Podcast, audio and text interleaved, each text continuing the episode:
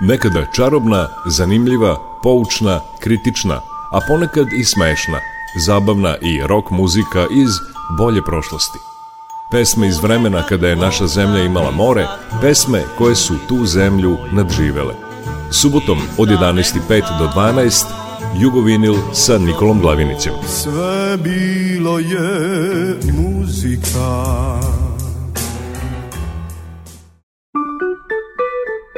Jugovinil.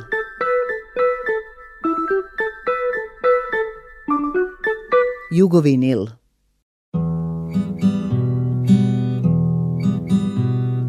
Nemoj meni branit moja nano da joj kuću obilazim rano Nek pričeka postelja mi meka, neću momak biti do vijeka. Nemoj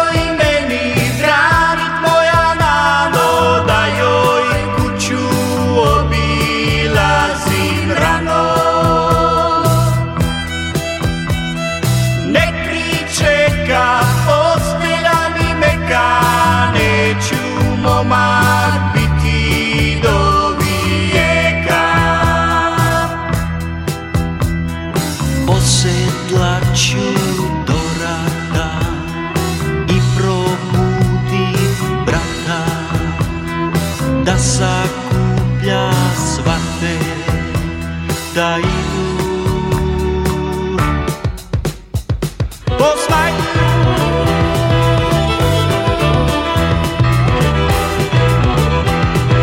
Molim te nano, pusti me nano, da uzmem ženu koju ljubim ja Molim te nano, pusti me nano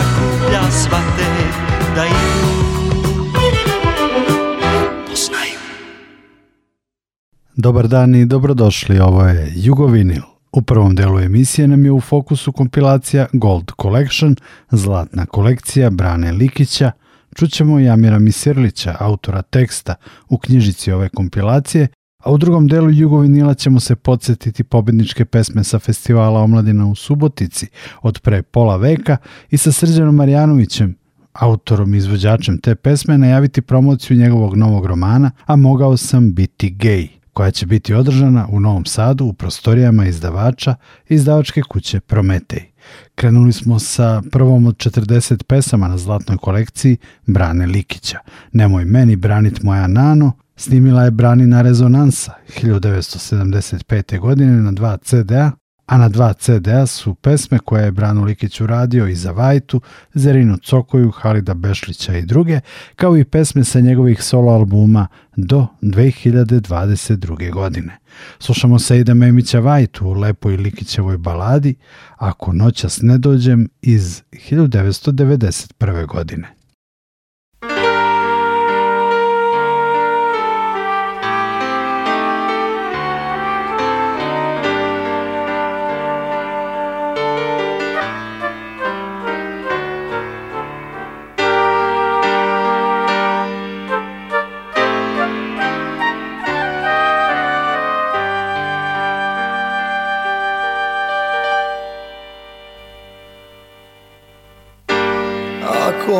čas ne dođem Poslaću ti glasnika Sa zlatnim srcem u grudima I mojom pjesmom na usnama Ako noćas ne dođem Premostit mostove ću u tebe Da bi došao do tebe Da bi drago najdraže Prislonio na srce Da bi stigo do tebe Da bi drago najdraže Prislonio na srce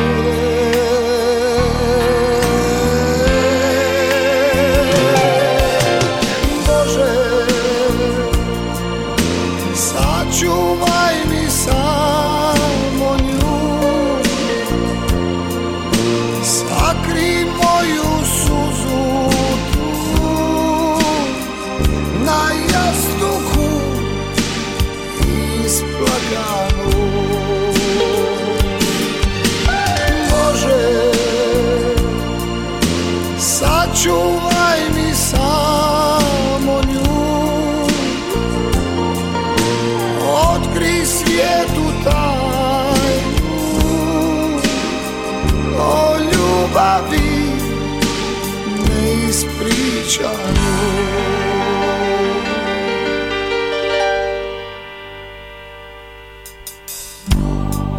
ako noćas ne dođem Poslaću ti vlasnika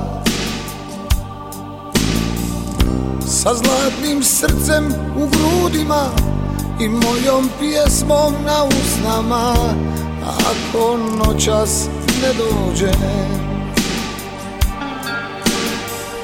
Sa zlatnim srcem u grudima i moją pjesmom na usnama Ako noćas ne dođe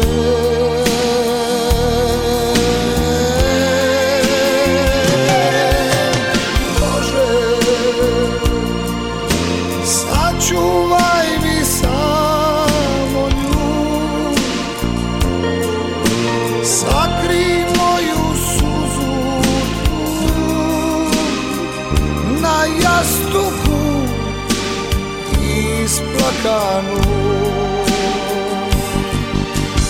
Bože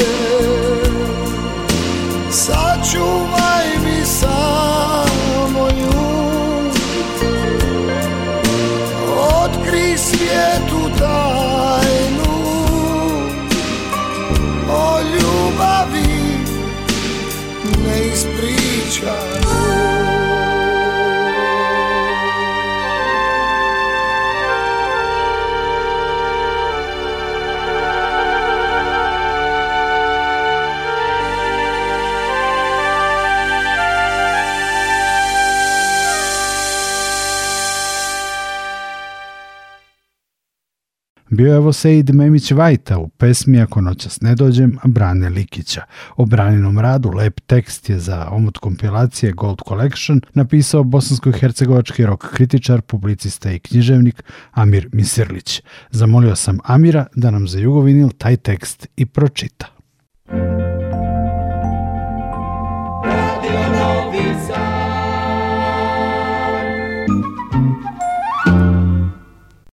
Brano Likić je jedna od najosebujnijih pojava na estradnom nebu regiona. Još kao 20-godišnjak imao je grupu Formula 4, da bi je 1975. godine napustio i osnovao rezonansu. Rezonansa je zapravo bila fonetizirana verzija branine poruke da je njegov sastav rezonansa, odnosno razlog iz Sarajeva – u grupi Rezonansa je od samog početka i njegova sestra Branka poznatija kao Seka. Kroz grupu su tijekom godina prošli mnogi znani muzičari sa sarajevske pop rock scene. Imali su neobičnu postavu sa dvije violine, a koristili su i tradicionalne instrumente koje druge grupe nisu koristile u to vrijeme. Na početku rada sa rezonansom, Brano se obilno poigrava sa folk motivima. To se osjetilo i u njihovoj prvoj pjesmi Nemoj meni branit moja nano, koju su objavili 1975. godine. Uskoro je izašao i njihov prvi album Nemoj meni, nemoj niti meni, na kojem se nastavlja sa istom formulom u pjesmama Alaj bi se zabavljala, zatim slijedi još nekoliko uspješnih singlova Hajde dušo da igramo malo, Eno aviona, Jedno veče u hotelu, tamo preko Dunava. Nakon toga okreću se nešto klasičnijem rock zvuku. U tom periodu objavili su jedan jako dobar album Prolaz molim. Slijedi album Profesija muzičar koji danas doživljava novu mladost. Posebno oduševljenje se iskazuje prema pjesmi Mirno idem krivim putem, koja je na mnogim listama najvažnijih pjesama 20. stoljeća sa južnoslavenskih prostora. Posljednji album, Život u dvije smjene, Rezonansa je objavila 1995. godine. Treba spomenuti Baglamu Band, novo primitivnu formaciju sa kojom snimaju jedan singl i album Ne treba ti ni tata ni mama kada svira Baglama. Nakon toga Likić je kao producent, snimatelj i izvođač više angažovan u svom studiju Blap u Sarajevu, u kojem su svoje ploče tada snimali Merlin, Bombaj Štampa, Plavi orkestar, Vajta, Tifa, Zerina Cokoja, Toma Zdravković i mnogi drugi. 1989. godine osniva i svoju izdavačku kuću Blap Art Merks,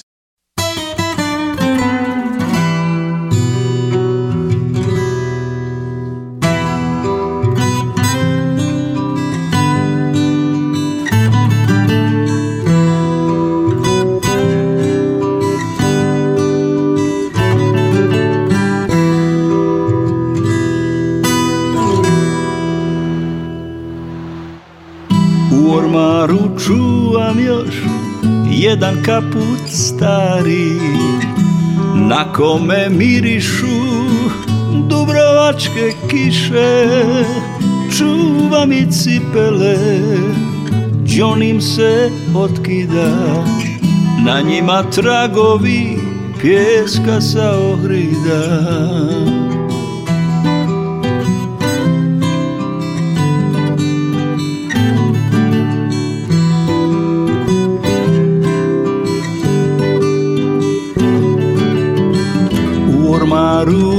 nam još jedan šešir plavi na kome spavaju vjetrovi južni uhu zvoni mi mostarska kaldrma zelena neretva dušu mi razdrma ja sam, ja sam čovjek s juga, čovjek s me osvoji tuga, lakše me opije sjeta, postajem laka meta za sve. Ja ja sam Čovjek s juga, čovjek s juga Lako me osvoji tuga Lakše me opije sjeta Postajem laka meta za sve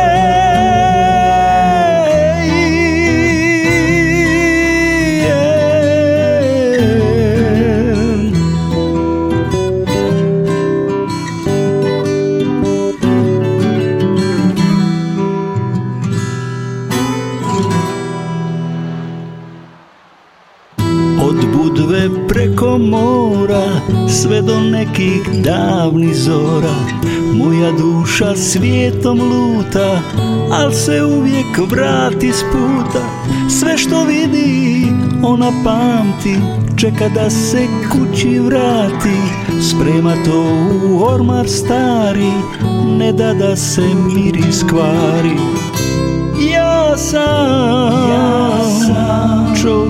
juga, čovjek s juga, lako me osvoji tuga, lakše me opije sjeta, postajem laka meta za sve.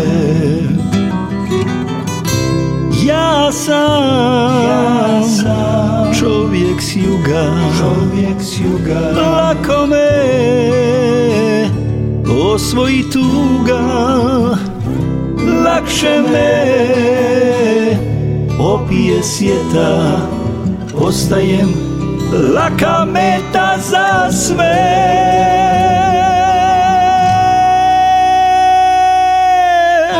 Promiču gradovi Ljeta su sve kraća jugni sve uzima i sve iznova врача.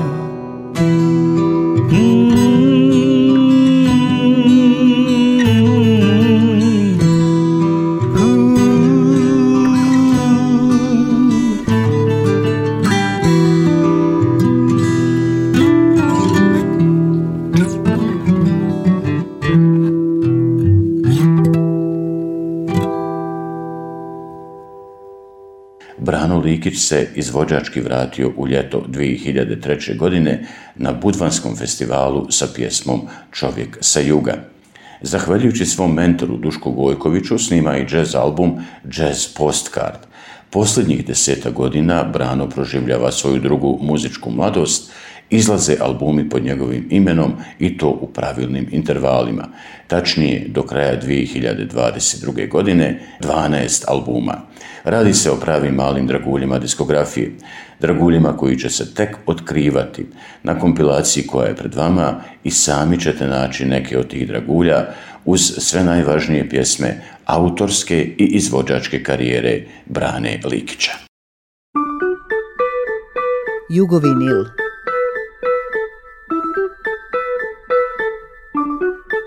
Jugovinil. U prvom delu Jugovinila se bavimo kompilacijom Zlatna kolekcija Gold Collection Brane Likića koju je na dva CD-a objavila Croatia Records. Čuli smo šta je o Brani napisao Amir Misirlić i samog Amira. Misirlić i Brano su i sarađivali na pesmama, a Brano je komponovao muziku na nekoliko njegovih stihova, odnosno tekstova. Čućemo Došao sam u najbolje dane koja se nalazi i na ovoj kompilaciji. Muzika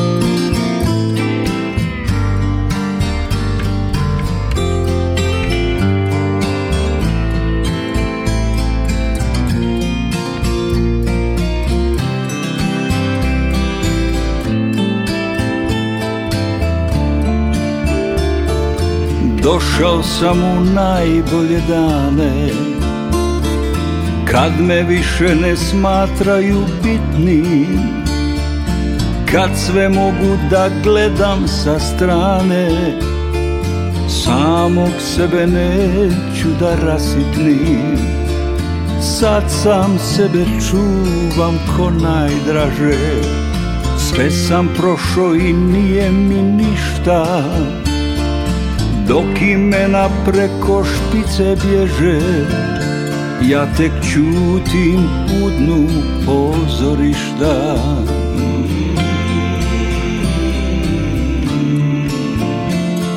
Sve i gledam dole iz partera Kako psu jurlaju i stenju I nisam više u iskušenju da i sam popnem se na scenu Sve i gledam dole iz partera Kako psu jurlaju i stenju I nisam više u iskušenju Da i sam popnem se na scenu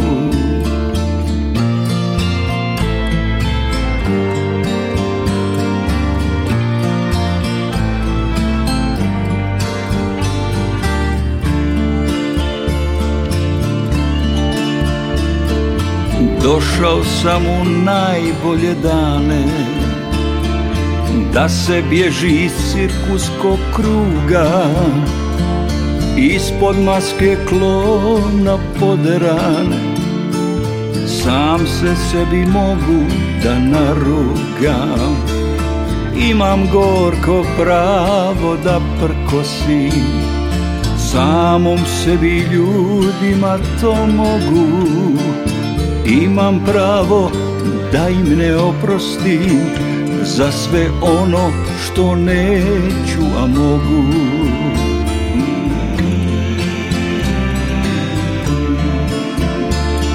Sve gledam dole iz partera, kako psuju, urlaju i stenju, i nisam više u iskušenju da i sam popnem se na scenu Sve i gledam dole iz partera Kako psuju, urlaju i stenju I nisam više u iskušenju Da i sam popnem se na scenu Da i sam popnem se na scenu da i sam popnem se na scenu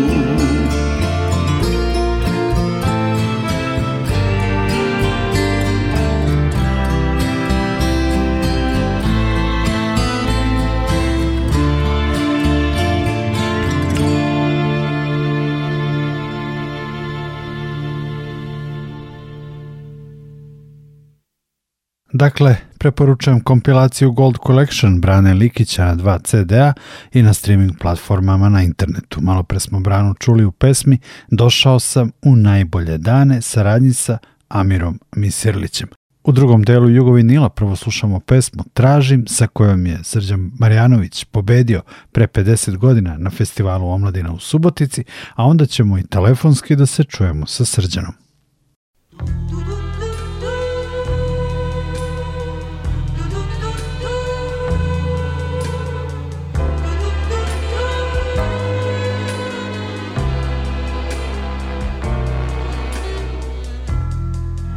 Već mnogo dana lutam kroz grad Lica pamtim, tugu brišem s njih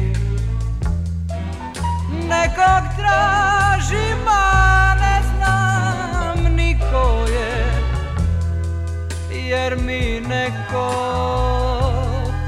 neko sada treba Plavu kosu opet vidim sad Plavu kosu opet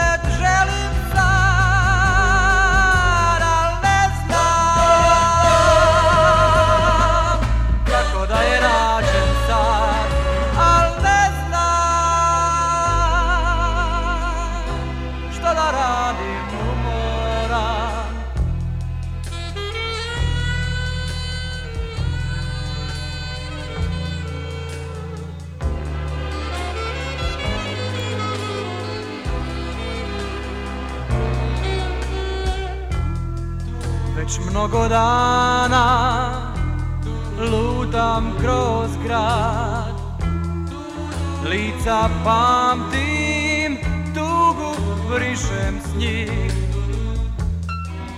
Nekog tražim, a ne znam niko je Jer mi neko, neko sada treba Plavu kosu opet vidim sad Plavu kosu opet želim sad Al ne znam Što da radim sada sam Al ne znam Što da radim umoran Kako da je nam kako da je nađem sad, kako Kako da je nađem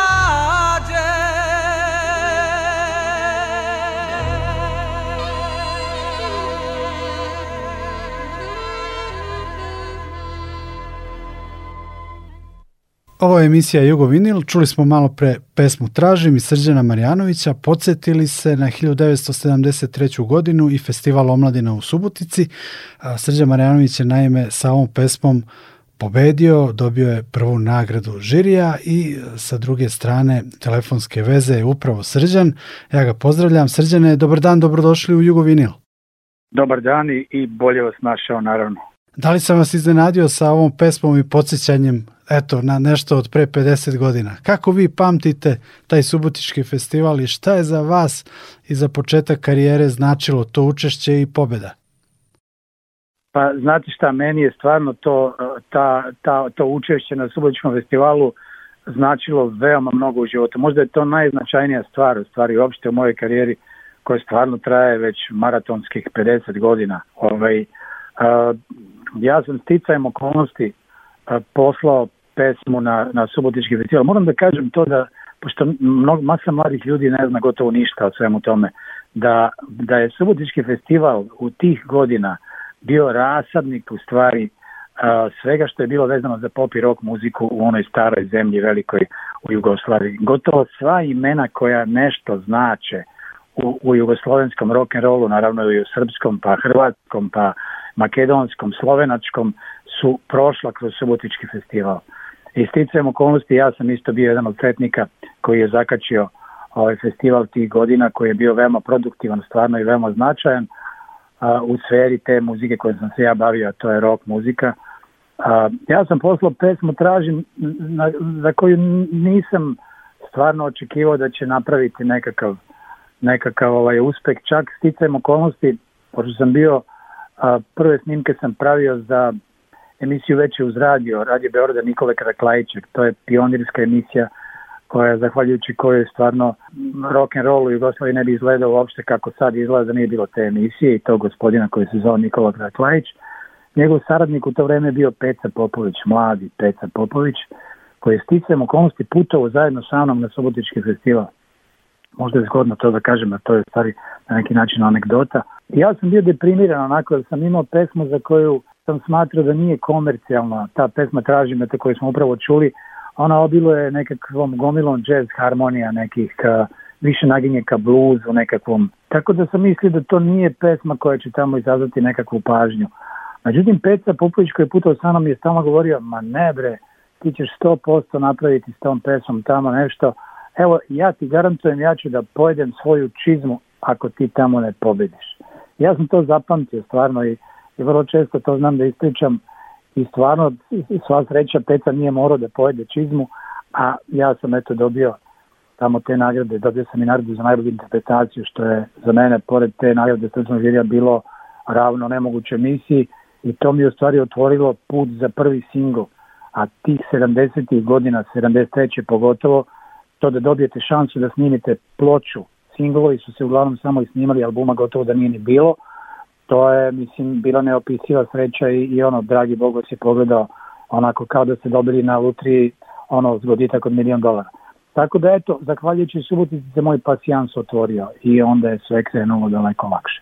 A kakav je festival bio omladina u Subotici može da ilustruje samo jedan podatak da je te godine nagradu publike dobila Jadranka Stojaković. Dakle, kad ste vi pobedili s pesmom Tražim, dobili nagradu žire, nagradu publike dobila jedna Jadranka Stojaković. Tako je, ja Jadranka Stojaković smo od tada postali nerazbojni prijatelji i sretali smo se tokom karijere na milion mesta i na milion lokacija.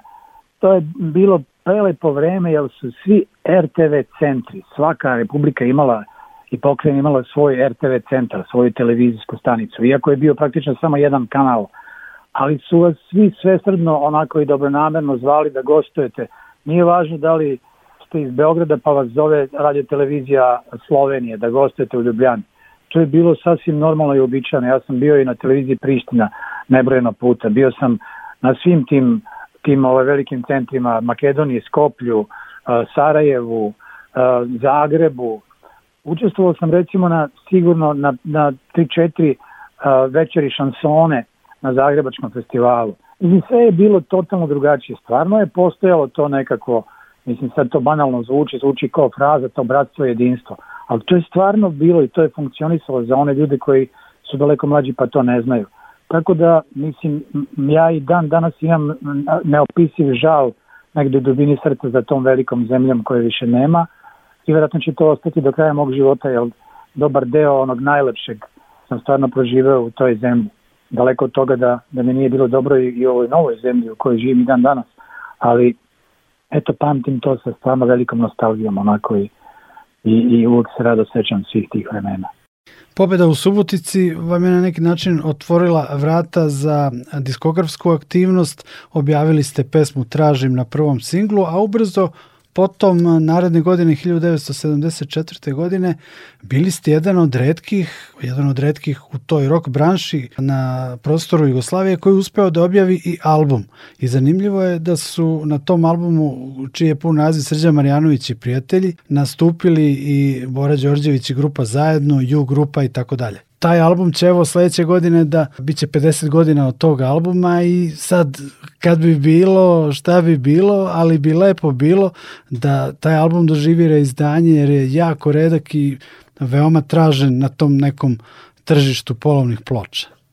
Već sam malo čas napomenuo, bilo je jako teško doći do ploče u to vrijeme. Pogotovo LP, da vam, da vam neko ponudi, da vam neka diskografska kuća ponudi da to objavi, to je bilo nemoguće. Praktično pre mene albume imali iz Beograda, znači kad govorimo o, o tim okvirima, imali su samo U grupa i Korni grupa. Tako je. Ja sam bio prvi solo izvođač koji je dobio šansu da snimi svoj album i ja pošto u tom trenutku nisam imao svoj bend, a družio sam se zahvaljujući emisiji Nikola Kraklajeća već uz radio gdje smo svi mi pravili svoje prve snimke, družio sam se puno sa, sa, sa U grupom i sa momcima iz grupe Trenera na vreme.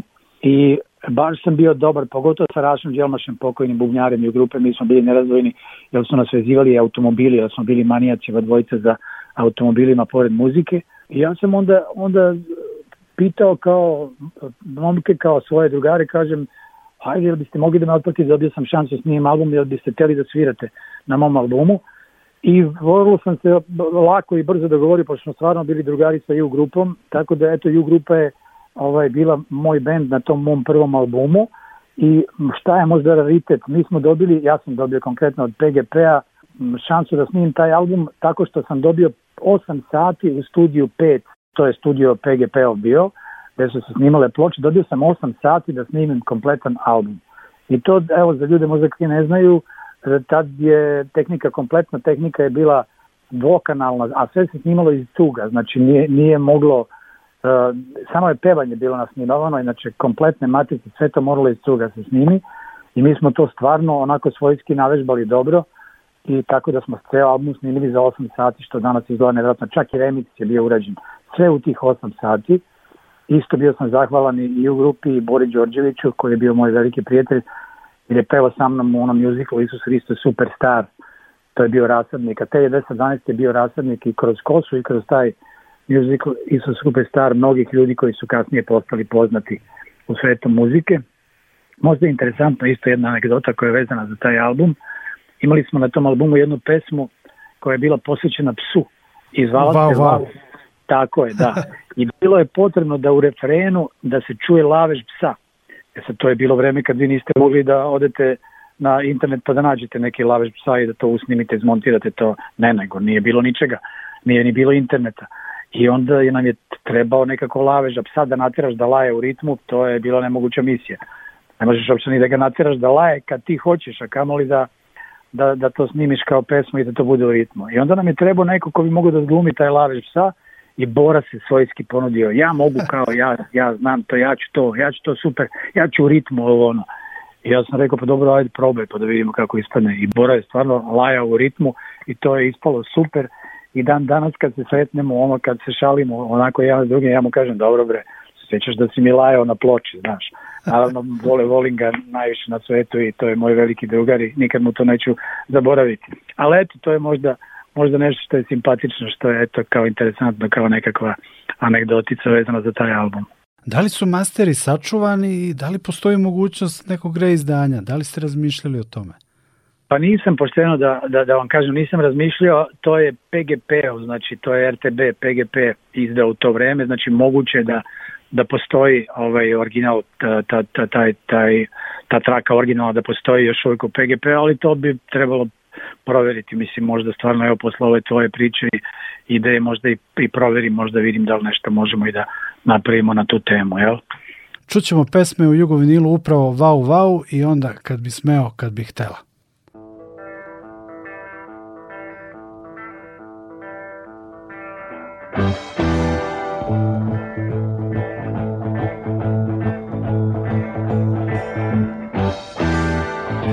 I ulicom idem ja, kuda, ko to zna U džepu mi pare dve, ne znam s njima kuću pre sam sam sada u svet pošao, Ali još nigde nisam došo Bez društva mi pusto sve je Autostopom sporo ide Tad me stiže Za mnom ide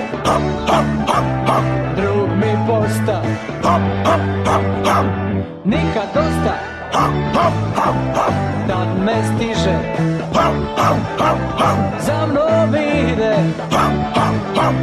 Drug mi posta Nikad dosta Sad zajedno putujemo I ručku se radujemo Još mi jedna para osta Za ručak će biti dosta i sandvič sam taman hteo Da progutam svim ceo Kad se laveš opet ču Zar taj džukac još je tu? Au, au, au, au Tad me stiže Au, au, au, au Za mnom ide Au, au, au, au Drug mi posta Au, au, au, au Nikad dosta Tad me stiže Za mnom ide Drug mi posta Nikad dosta I sandvič sam tamo hteo Da sa svim cel Kad se laveš opet ču Zar taj džukac još je tu da me stiže Za mnom ide Drug mi posta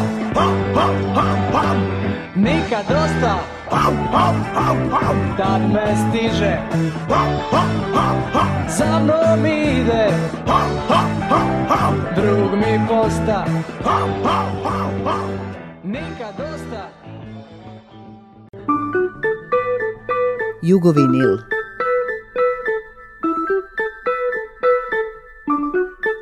Jugovinil.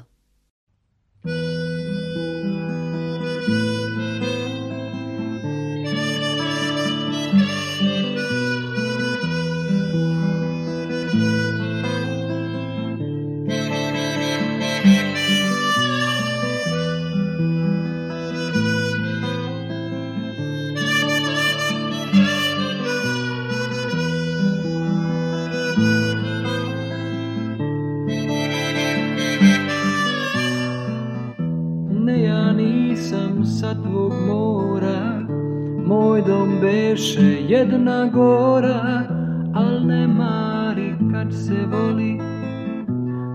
duri, svi bi bili uz more, vino bili, vino pili,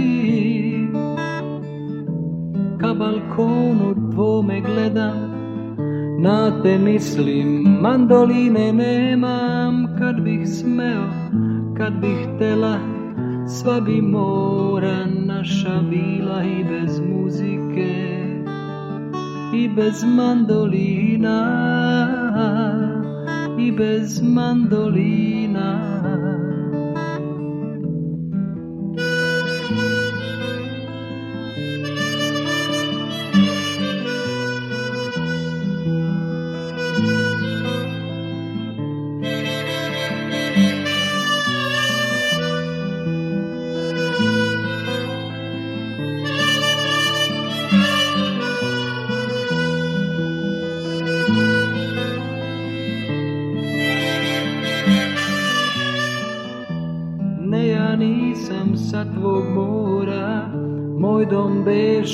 夜的那个。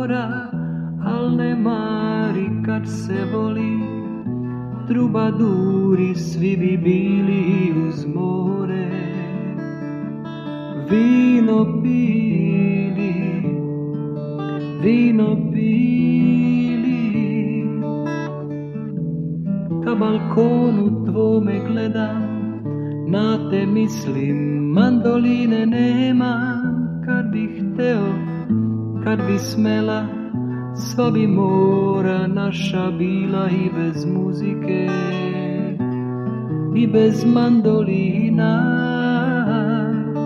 i bez mandolina.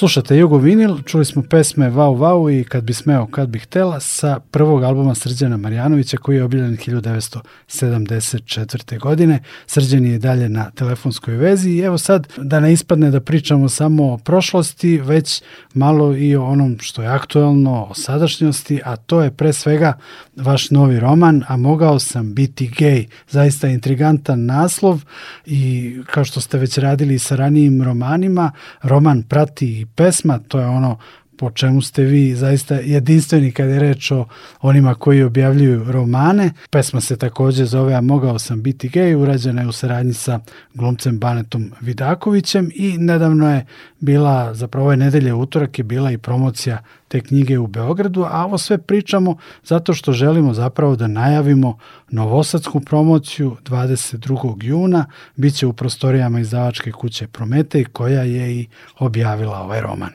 Tako je još da kažemo da će to biti u 19 časova, znači 22. juna. Kako je prošla promocija u Beogradu? Pre svega mi je bilo mnogo drago da su o knjizi na Beogradskoj promociji govorila dva čoveka koji su meni u životu stvarno ovaj, veoma značajni, a mislim da su svaki u svojoj sferi e, šampioni, mislim pravi, znači jedan je od njih Petar Popović koga sam malo čas spominjao, a drugi je Petar Arbutina.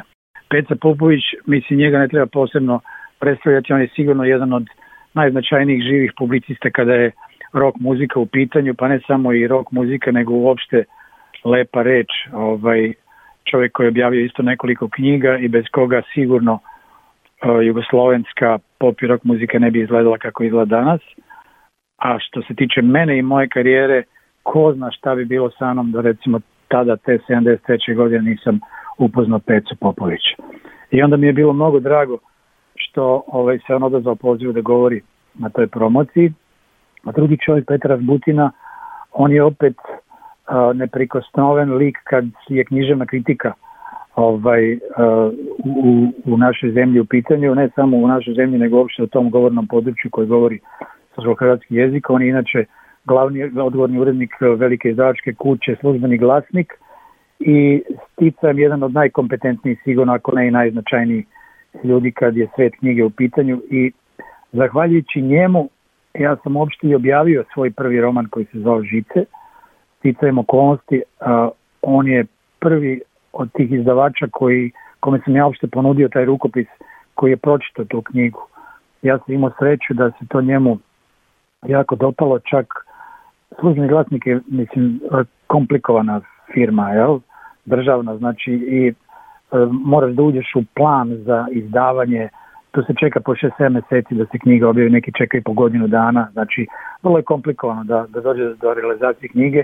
Ja jednostavno kad je e, gospodin Arbutina meni rekao da mu se to dopada, da bi on to htio da objavi, kad mi je rekao da mora da se čeka 6-7 meseci, a ja, pošto sam takav tip, ja sam tip koji je na struju, znači ja ne mogu ništa da, nemam puno strpljenja, za ništa u svom životu, ovaj, možda mi je to u stvari veliki minus, ali, ali se ne mogu s tim izboriti nikako. Ja sam rekao da ja toliko ne mogu čekati. I onda on, pošto je vidio da ću ja da odem, da ću da odustanem od te priče sa službenim glasnikom, on je rekao čekaj, stani, ajde, ja ću pokušati, možda mogu da napravim specijalno izdanje. I ta knjiga, to je u stvari prava sreća, jel? jel zahvaljujući njemu ta knjiga ugledala svetlost dana i doživjela čak nekoliko izdanja. Ja sam mislio da će to biti jedina knjiga koju ću ja napisati. Ja sam čovjek koji piše pesme koje su pesme za muziku. Ja čak nisam htio nikada da, da prihvatim ponudu izdavača da objave knjigu mojih pesama, kao, nas da budu oštampane samo tekstovi pesama. Jer sam smatrao da bi to skrnavilo te pesme, jer te pesme a bez muzike same, onako gole, bez, bez nota ispod koje se čuju, ovaj, da, da neće značiti toliko mnogo koliko znači kad su zajedno sa zalupljene sa muzikom, pa, tako da to nikad nisam ni hteo da uradim, ali roman, eto, zahvaljujući od Butinje, je izašao i ugledao svetlost dana i to mi je posle dalo vetar u ređa. Mislio sam da će to biti jedina knjiga koju sam ja napisao, međutim, ispostavilo se da, da mi je to nekako, šta ja znam, onako dalo, upravo taj vetar u leđu koji sam spominjao da razmišljam možda da bi mogu da napišem kasnije još neku knjigu. I super je što u godinama u kojima sam ja, ja više ništa ne moram, znaš, tako da ne radim ništa zbog nekog interesa, zbog para ili zbog bilo čega, ne, radim samo zato što ako pravim i muziku i ako negde pevam i ako sviram, odnosno ako pišem nešto, to radim samo zato što me to čini sretnim. Tako da onog trenutka kad se pojavi nekakva želja za tim ja to napravim i eto tako, znači tako funkcionišući evo već četvrti roman je pred nama, znači to je ovo čemu ste malo čas govorili, a to je promocija ove knjige koja je bila u Beogradu. I tu je naravno i vaš novosađanin gospodin Zoran Kolundžija, zahvaljujući kome je taj roman i ugledao svetlost dana. Opet vaš sugrađanin na koji je veliki moj prijatelj, to je Bogica Mijetović. On mi je rekao ti treba da ponudiš taj svoj novi roman Zoran Kolundžiji tako da eto, znači mnoge stvari me vezuju za Novi Sad. Nisam ni znao da je, da je Prometej prošle godine bio proglašen za izdavača godine. Tako da eto, mislim, kockice su se nekako složile i, i mnogo mi je drago da eto pod tom etiketom Prometeja taj roman ugledao svetlost dana. Tako da eto, nadam se da će biti lepo svima onima koji će 22. u 19 časova doći u Prometej da, da čuju šta mi imamo da kažemo i o čemu se radi u toj knjizi. Govorit će Bogomir Mijatović, jel tako? Zoran Kolunđa i tako je, govorit da je, a ja ću reći nešto, da možda čak i opevam nešto, vidjet ćemo, eto.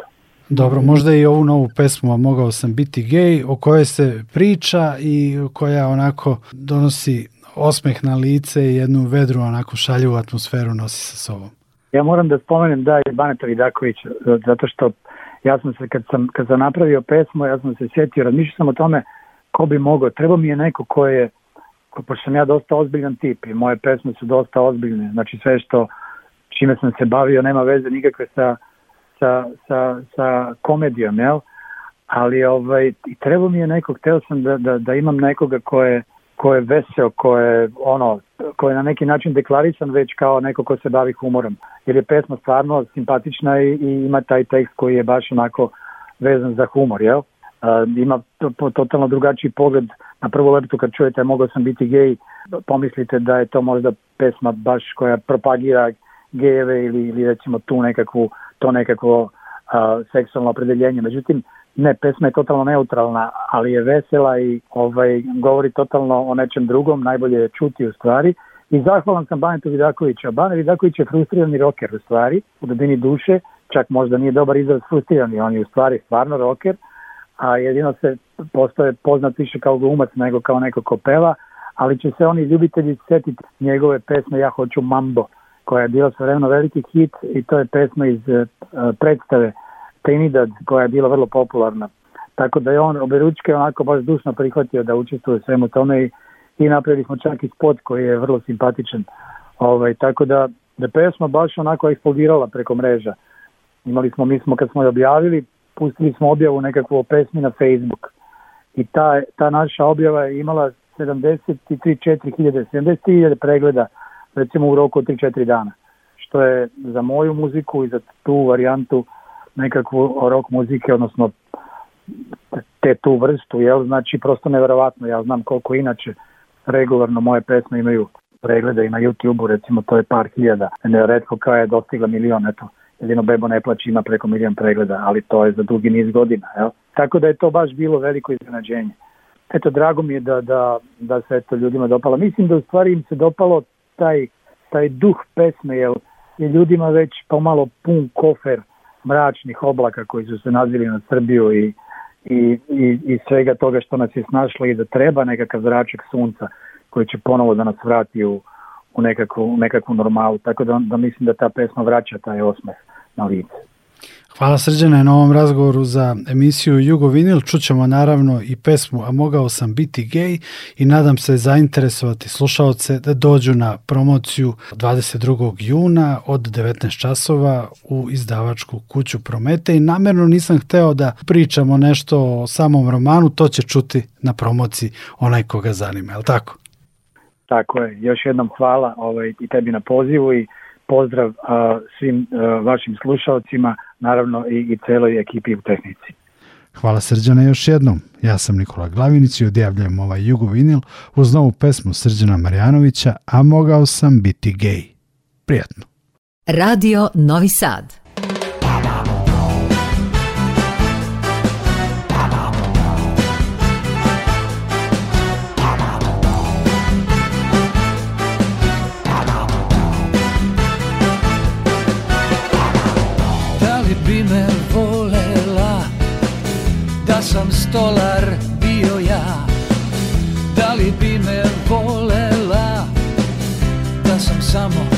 čača Da li bi me ljubila Da sa tacnom piće nosim Da li bi me sanjala Da sam samo konobar Nisi ti jedina Koja me je ostavila I druge su isto htele Sve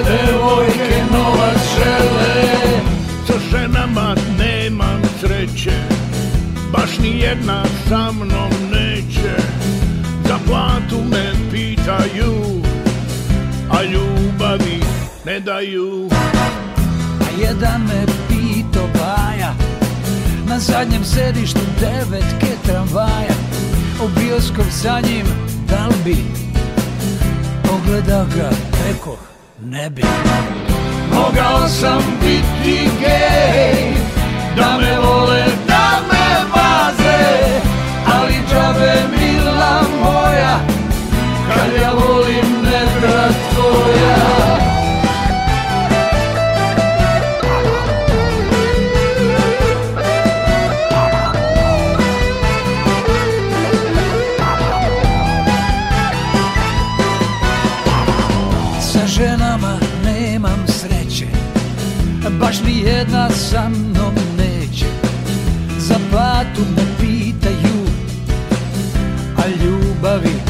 Daju A jedan me pito baja Na zadnjem sedištu deve i tramvaja U bioskop sa njim dao bi Pogleda ga, rekoh ne Mogao sam biti gej Da me vole, da me maze Ali džabe mila moja Kad ja volim ne sam biti gej Da me vole, da me maze Ali džabe mila moja Kad ja volim ne